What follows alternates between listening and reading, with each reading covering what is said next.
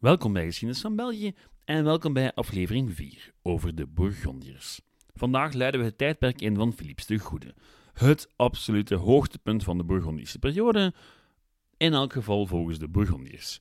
De realiteit is natuurlijk ietsje ingewikkelder en heeft alles te maken met oorlog, politiek gekonkel en een uitgekiende huwelijkspolitiek.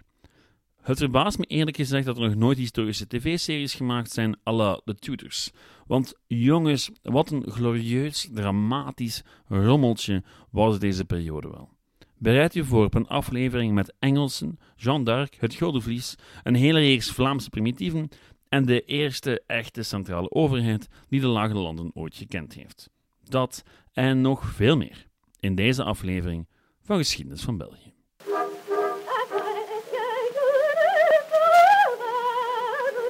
Philips de Goede. Een naam als een klok en een naam die ook een heleboel beelden en ideeën oproept. Vooral dat van een minzaam glimlachende heerser met een gouden halsketting om zijn hals, omringd door praal en pracht. En dat net dat beeld is blijven hangen, ja, dat is geen toeval. Integendeel, het was de bedoeling.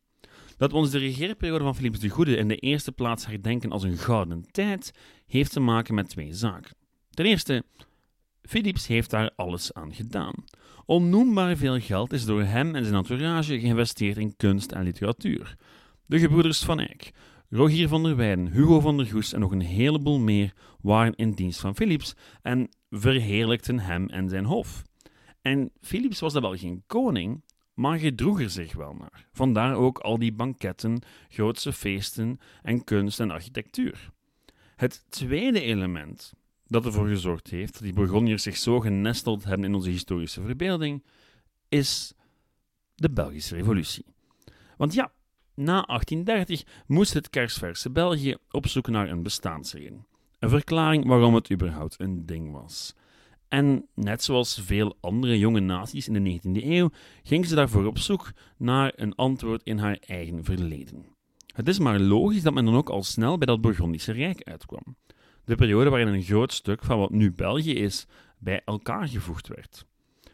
Oké, allemaal goed en wel, maar wat is daar nu eigenlijk van waar? Want natuurlijk zitten de zaken een stuk ingewikkelder in elkaar dan wij soms denken. Vorige week bleek al dat Philips de Stoute en zijn zoon Jan zonder vrees in de eerste plaats nog steeds Franse edelen waren die betrokken waren bij het politieke konkel van dat Franse hof in Parijs. Gebieden in Burgondië en de Lage Landen waren zeer handige tools om macht te kunnen uitoefenen, maar ze waren nooit het hoofddoel. Het hoofddoel, dat was de macht in Frankrijk. Niet zo bij Philips de Goede. En dat is eigenlijk waarom dat we, als we aan het machtige Bourgondië denken, we in de eerste plaats aan het Bourgondië van Philips de Goede denken. Ook niet onlogisch, want de man heeft zeer lang geregeerd. Van 1419 tot 1467 bijna 50 jaar. Nu goed, hoe komt dat nu eigenlijk? Dat we die associatie van Bourgondië met Philippe de Goede zo sterk hebben? Wel, achter die fantastische façade gaat een iets minder bekend verhaal schuil. Van een in theorie nog Franse hertog, afkomstig van het koninklijke huis, die eigenlijk zijn hele regeerperiode lang tegen het belang van de Franse kroon in zal werken. Want ja, het begint al met de manier waarop Philips aan de macht kwam. Zijn vader, Jan zonder vrees, werd vermoord door de handlangers van de Franse kroonprins op een brug waar eigenlijk vredesonderhandelingen hadden moeten plaatsvinden. Dus ja, het mag dan ook niet verbazen dat Philips alles in vraag begon te stellen. En al zeker zijn band met de Franse kroon. En de constante bemoeienissen van zijn vader met die Franse kroon. Dus de dood van Jan zonder vrees was echt wel de grote breuk. In 1415 moest de 19-jarige Philips nog tegengehouden worden door zijn vader om zich niet aan de zijde van de Franse koning te scharen tegen de Engelsen bij Agincourt. U weet wel, de veldslag waar zijn twee ooms het leven lieten. Vier jaar later echter is zijn vader dood en moet Philips uitdokteren welke richting hij uit wilt met zijn hertogdom. Zich net als zijn vader en grootvader in de machtsstrijd van het Franse Hof werpen, met alle gevolgen van dien, of een eigen weg zoeken. Het werd het tweede. En de eerste zet die Philips deed, was het zoeken van een bondgenoot. En die vond hij in de Engelsen. Onder druk van Philips en de Engelse koning onterfde de zieke Karel VI zijn eigen zoon, de Dauphin. U weet wel, degene die net Jan zonder Vrees had vermoord. En op 21 mei werd het verdrag van Troyes ondertekend, waarbij de Engelse koning Hendrik V de nieuwe erfgenaam van de Franse kroon werd en in de tussentijd als regent van het koninkrijk mocht functioneren. Hendrik V en Karel VI overleden niet veel later en vanaf 1422 regeerde Hendrik VI als koning van Engeland en Frankrijk. Al was er natuurlijk nog altijd die Dekselse dauphin, die zich aan de Loire verscholen had en wachtte op een kans om zichzelf tot koning te laten kronen. Een kans die hij zou krijgen dankzij een zekere Jeanne d'Arc. Zij weet de Fransen terug te brengen op het, op het, militaire toneel en op 17 juli 1429 wordt Karel VI in de kathedraal van Reims tot koning van Frankrijk gekroond. En wie is daar niet bij, bij die koning? Philips de Goede. Meer zelfs, die gaat in de jaren die volgen grondig dwars liggen voor de kerstverse koning. De Burgondiërs trekken ten strijde en slagen er zelfs in om Jeanne d'Arc gevangen te nemen. Waarop Philips haar voor een flinke som geld overhandigt aan de Engelsen, die haar niet veel later op de brandstapel gooien. Ja, de zo geroemde Philips de Schone is mee verantwoordelijk voor de dood van Frankrijks grootste heldin. En dat lijkt zeer vreemd. Want vaak als wij het over de Burgondiërs hebben, hebben we het er niet over dat zij jarenlang de belangrijkste bondgenoot waren van de Engelsen in de Honderdjarige Oorlog. Een Honderdjarige Oorlog die trouwens kantelt in 1429. Dat is het jaar van de ommekeer. Want uiteindelijk, desondanks de dood van Jeanne d'Arc, zouden de Fransen wel degelijk aan het langste eind trekken. Iets wat Philips zag aankomen, en dus ging hij aan de onderhandelingstafel zitten. In 1435 werd een grote conferentie opgezet in Arras, waar de kanselier van Philips, Nicolas Rollin, aan de touwtjes trok. En de conferentie eindigde met een vredesverdrag tussen Bourgondië en Frankrijk. En de Engelsen die kwaad wegliepen, natuurlijk. Philips daarentegen, die was in zijn nopjes, want hij kreeg twee zaken die hij altijd al had gewild. Excuses van Karel VI voor de moord op zijn vader en onafhankelijkheid. Philips was niet langer een vazal van de Franse koning. Burgondië was onafhankelijk en kon vanaf nu min of meer zijn eigen ding gaan doen.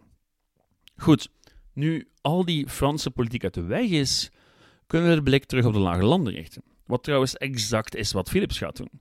Want eens verlost van de Franse kroon, gaat hij er zich ook bitter weinig mee bezighouden. Hij gaat focussen op zijn eigen rijk en zijn eigen prestige. Nu, die lage landen die waren bij het aantreden van Philips nog steeds een amalgaam van staatjes in handen van verschillende vorsten. Ja, door huwelijkspolitiek waren enkele van die vorsten Bourgondiërs geworden, maar van een sterke verenigde staat was nog geen sprake. Holland, Namen, Brabant en al de rest waren nog onafhankelijke staatjes. Het is pas onder Philips dat heel wat van die staatjes min of meer verenigd werden. Dat hele proces begon al in 1427 met de dood van de hertog van Brabant, Jan IV. Want Jan was een neefje van Philips de Schone. Door dynastiek gevoefel was het hertogdom Brabant in de handen gekomen van Antoon van Bourgondië. U weet wel, die broer van Philips die omkwam bij Agincourt. Jan was zijn zoon en huwde al aan het begin van zijn regeerperiode met Jacoba van Beieren. En misschien gaat er nu een belletje rinkelen. Want ja, die van Beirens dirigeerden immers over Holland, Zeeland en Henegouwen. En Jacoba werd in 1417 gravin van die drie graafschappen, maar had af te rekenen met een heleboel interne conflicten in Holland en Zeeland tussen Hoeken en Kabeljauwen. Oké, Hoeken en Kabeljauwen, ik weet het, voor mijn Vlaamse luisteraars klinkt absoluut belachelijk, maar het is een van de belangrijkste conflicten in de middeleeuwse geschiedenis van hedendaags Nederland. Um, en eentje waar ik echt geen tijd voor heb, spijtig genoeg. Lang verhaal kort. De bemoeienissen van Jan in de politiek van Holland en Zeeland zorgden er uiteindelijk zelfs voor dat Jacoba haar echtgenoot verliet. Het belangrijkste hoog voor ons verhaal is dat er daardoor geen rechtstreekse erfgenaam was voor min of meer de helft van de lage landen. Jan stierf in 1427 als 23-jarige en in Brabant volgde zijn broer Philips hem op. En die dirigeerde drie jaar, alvorens ook het loodje te leggen. Waarop het hele hertogdom richting Philips de Schone ging. En Holland, Henegouwen en Zeeland, wel, die kwamen eventjes in handen van een nichtje van Philips, tot hij in 1433 gewoon de heerschappij overnam. Oh, en dan was ik nog bijna 1429 vergeten, wanneer Jan III van Namen overlijdt. En die had jaren eerder in 1421 zijn graafschap verkocht aan Philips, maar had het vruchtverbruik gekregen tot zijn dood. Dus in 1429 wordt Philips ook nog eens graaf van Namen. Goed, dat was zeer veel informatie op zeer weinig tijd. Mijn excuses, maar we moesten er eventjes door. Maar goed, ik ga het even samenvatten. In 1419 komt Philips aan de macht. En in 16 jaar tijd wist hij Holland, Zeeland, Henegouwen, Namen en Brabant te annexeren en zijn onafhankelijkheid te verkrijgen van de Franse kroon. Dat is een ongelooflijke prestatie. In 1443 komt er nog het hertogdom Luxemburg bij. En wie goed oplet, heeft waarschijnlijk al opgemerkt dat we nog enkele deeltjes van de Lage Landen missen, waaronder de twee prinsbisdommen, Luik en Utrecht. Nu, die waren natuurlijk wat moeilijker dan de rest, want via een huwelijk kon je zo'n kerkelijke staat natuurlijk niet in handen krijgen, en oorlogsvoering tegen een bisschop is, ja, dat is niet zeer vroom. Oplossing om toch wat controle te kunnen uitoefenen? Je familieleden tot prins-bisschop laten benoemen, natuurlijk. Neefje Lodewijk werd bisschop van Luik en Philips buitenechtelijke zoon, jawel, werd bisschop van Utrecht. Of hoe Bourgondië en concreet Philips de Goede tegen 1450 de Lage Landen echt al stevig in zijn greep had. Oké, allemaal goed en wel, die territoriale uitbreiding, maar wat deed Philips daar nu eigenlijk mee? Wel, kort samengevat, centralisering. Wettelijk gezien bestond er in 1435 immers niet zoiets als het Burgondische Rijk. Ja, Philips heerste over Vlaanderen, Brabant, Henegouwen enzovoort, maar telkens als graaf of hertog van. Elk van die staatjes had zijn eigen bestuurlijke instelling. En in de meeste staatjes was het belangrijkste bestuursorgaan de Staten. Een vergadering waar de drie standen vertegenwoordigd waren en waar zij samen onderhandelden met de vorst over belastingen. En, uh, wel, vooral belastingen. Initieel was elk staatje dus een juridisch eilandje. Al wat ze gemeen hadden was een worst en verder niks.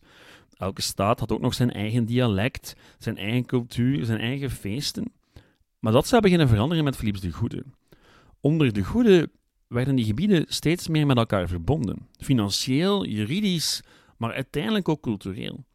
Deze periode kan echt gezien worden als het begin van de Lage Landen, en dus ook van België en Nederland, als eengemaakte gehelen.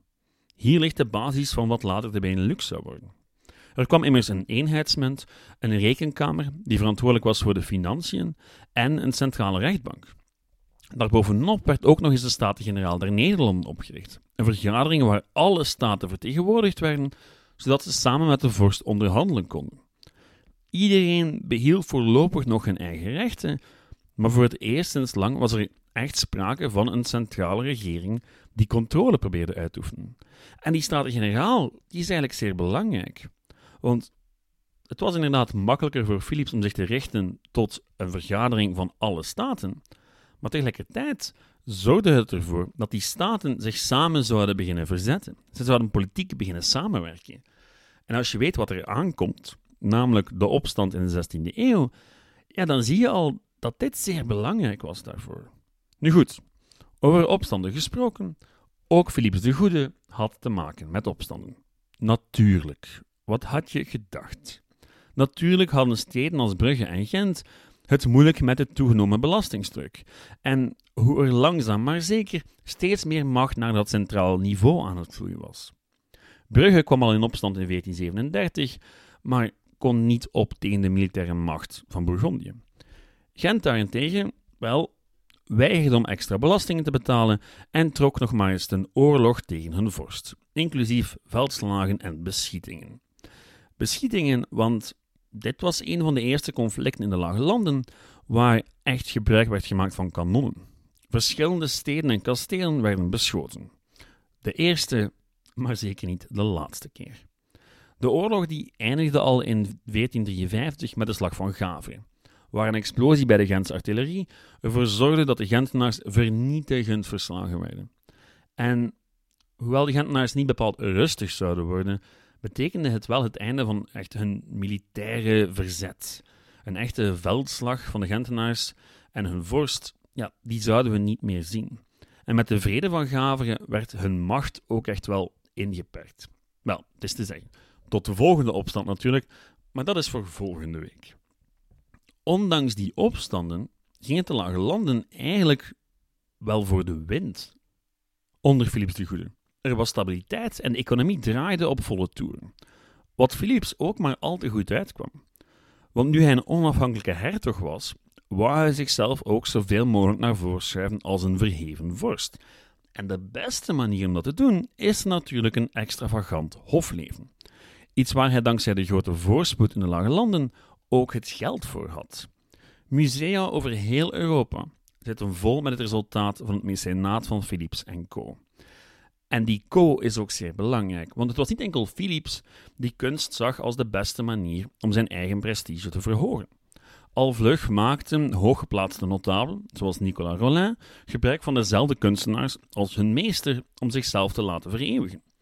En daar bleef het niet bij. Denk maar aan het Lam Gods bijvoorbeeld. Dat werd niet besteld door de hertog of door een hooggeplaatste edelman, maar door een paar burgers met te veel geld. Hetzelfde kan je zeggen voor het schilderij van het echtpaar Arnolfini. De familie van die Arnolfini verdiende haar geld trouwens niet alleen als bankiers, maar even goed als verkopers van zijd- en goudbrokaat aan het hof. Ook de klerus liet zich niet onbetuigd. Kijk maar naar Kanonik van der Palen in Brugge. Oh, en dan heb ik nog niet eens vermeld dat al de kunstwerken besteld door al deze mensen geschilderd werken door een zekere Jan van Eyck. Naast Van Eyck waren nog een hele hoop andere kunstenaars actief. Dus ja, kunst en schoonheid waren niet meer voorbehouden tot de opperste elite. Iedereen die kon betalen was in staat om een teken van hun rijkdom en macht te laten vervaardigen door de belangrijkste kunstenaars van die tijd. Al bleef het hoogtepunt natuurlijk nog altijd het Burgondische Hof. Met de hoeveelheid geld die er werd uitgegeven aan kunst, literatuur, pracht en praal, werd het al snel het middelpunt van de Europese hofcultuur. Wat eigenlijk ook niet mag verbazen, want grote andere delen van Europa waren rond deze periode in oorlog. Engeland en Frankrijk, 100-jarige oorlog. Het Duitse keizerrijk lag altijd overhoop met zichzelf. Dus de lage landen bloeiden immens tijdens deze periode. Neem nu bijvoorbeeld de Hofbibliotheek, die door Philips werd aangelegd. Dat was al snel een van de mooiste en grootste van heel Europa. En een deel daarvan kan je vandaag de dag nog steeds gaan bewonderen in het Museum van de Koninklijke Bibliotheek in Brussel. Iets anders waarvoor dat Burgondische Hof geroemd werd over heel Europa, is vandaag de dag iets moeilijker te bewonderen, namelijk muziek. De muziekkapel van Philips zou verantwoordelijk zijn voor een heleboel spraakmakende composities. Allemaal mooi en leuk, maar ook niet zonder politiek nut. Zoals ik al eerder al eens aanhaalde, was de grens tussen kunst en propaganda zeer dun in de middeleeuwen. Alles wat gecreëerd werd in dienst van de hertog en zijn notabelen moest hun macht en idealen benadrukken. Idealen die min of meer onder de noemer ridderlijkheid geclasseerd konden worden. De idealen van Arthur en de ridders van de ronde tafel was dusdanig populair geworden dat Philips er zijn eigen versie van had gecreëerd, in de vorm van de Orde van het Gulden Vlies. En elke bijeenkomst van die orde ging gepaard met geweldige feesten, waarbij belachelijk veel geld werd uitgegeven aan pracht en praal. Het meest bekende feest is het banket van de fazant. In theorie ging het om een gelegenheid waarbij Philips en de Orde van het Gulden Vlies plechtig verklaarden dat ze op kruistocht zouden gaan om Constantinopel te bevrijden van de Ottomanen. Dat was de officiële versie. In de praktijk ging het feest vooral om Burgondië zelf en de glorie van haar vorst. Het feest begon op 31 januari 1454 met het verlovingsfeest van een achternicht, waarna de festiviteiten werden doorgetrokken tot zondag 17 februari, met het bewuste banket van de fazant. Dit is trouwens een van de weinige feesten die zeer gedetailleerd zijn vastgelegd in chronieken, wat je dan ook weer veel zegt over het doel van het feest. Maar toegegeven, als je het leest, het moet ongelooflijk geweest zijn. Te beginnen met de zaal. Die was versierd met onder meer een draaiende windmolen, een zeilschip, een nagebouwd kasteel, fonteinen en levensgrote standbeelden. En tussen de gangen door waren er allerlei tafereeltjes met niet zeer subtiele boodschappen. Meestal ging het over de strijd tegen de heidenen of hoe cool Burgondië en die vorst wel was. Hoogtepunt was de binnenkomst van een echte olifant erop, met een acteur die de Ottomaanse sultan moest voorstellen en een vrouw die de kerk moest voorstellen, en vervolgens de verzamelde edelen opriep om haar te bevrijden uit de ketens van de ongelovigen. Subtiel is anders, maar het was wel zeer effectief, denk ik. Het hele feest eindigde met een plechtige eed van de hertog dat hij zou optrekken tegen de Turken. Wat hij vervolgens nooit zou doen. Niet dat hij niet wou, maar bij de andere Europese vorsten was er zeer weinig bereidheid. Nu, voor meer over dat feest wijs ik u graag door naar de Bourgondiërs van Bart van Loo, want die spendeert er zowel in zijn boek als in de podcast heel wat tijd aan en doet dat met veel meer eh, enthousiasme, maar ook geluidseffectjes dan ik hier kan doen. Nu goed, zelfs zonder echt een strijder te trekken, was het feest van de fazant misschien wel het hoogtepunt van het Bourgondische Rijk. Filip zou regeren tot 1467 en sterven te Brugge, op de gezegende leeftijd van 71. Zijn regeerperiode was over het algemeen een gigantisch succes op elk vlak.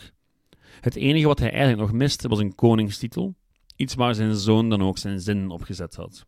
Ik zou nog veel meer over Philips de Goede kunnen zeggen, of over hoe belangrijk de Staten-Generaal was, over zijn begrafenis, zijn 18 bastaardkinderen, 30 maîtresses en hoe hij vanaf 1456 de Franse kroonprins onderdank bood, gewoon om de Franse koning wat te pesten.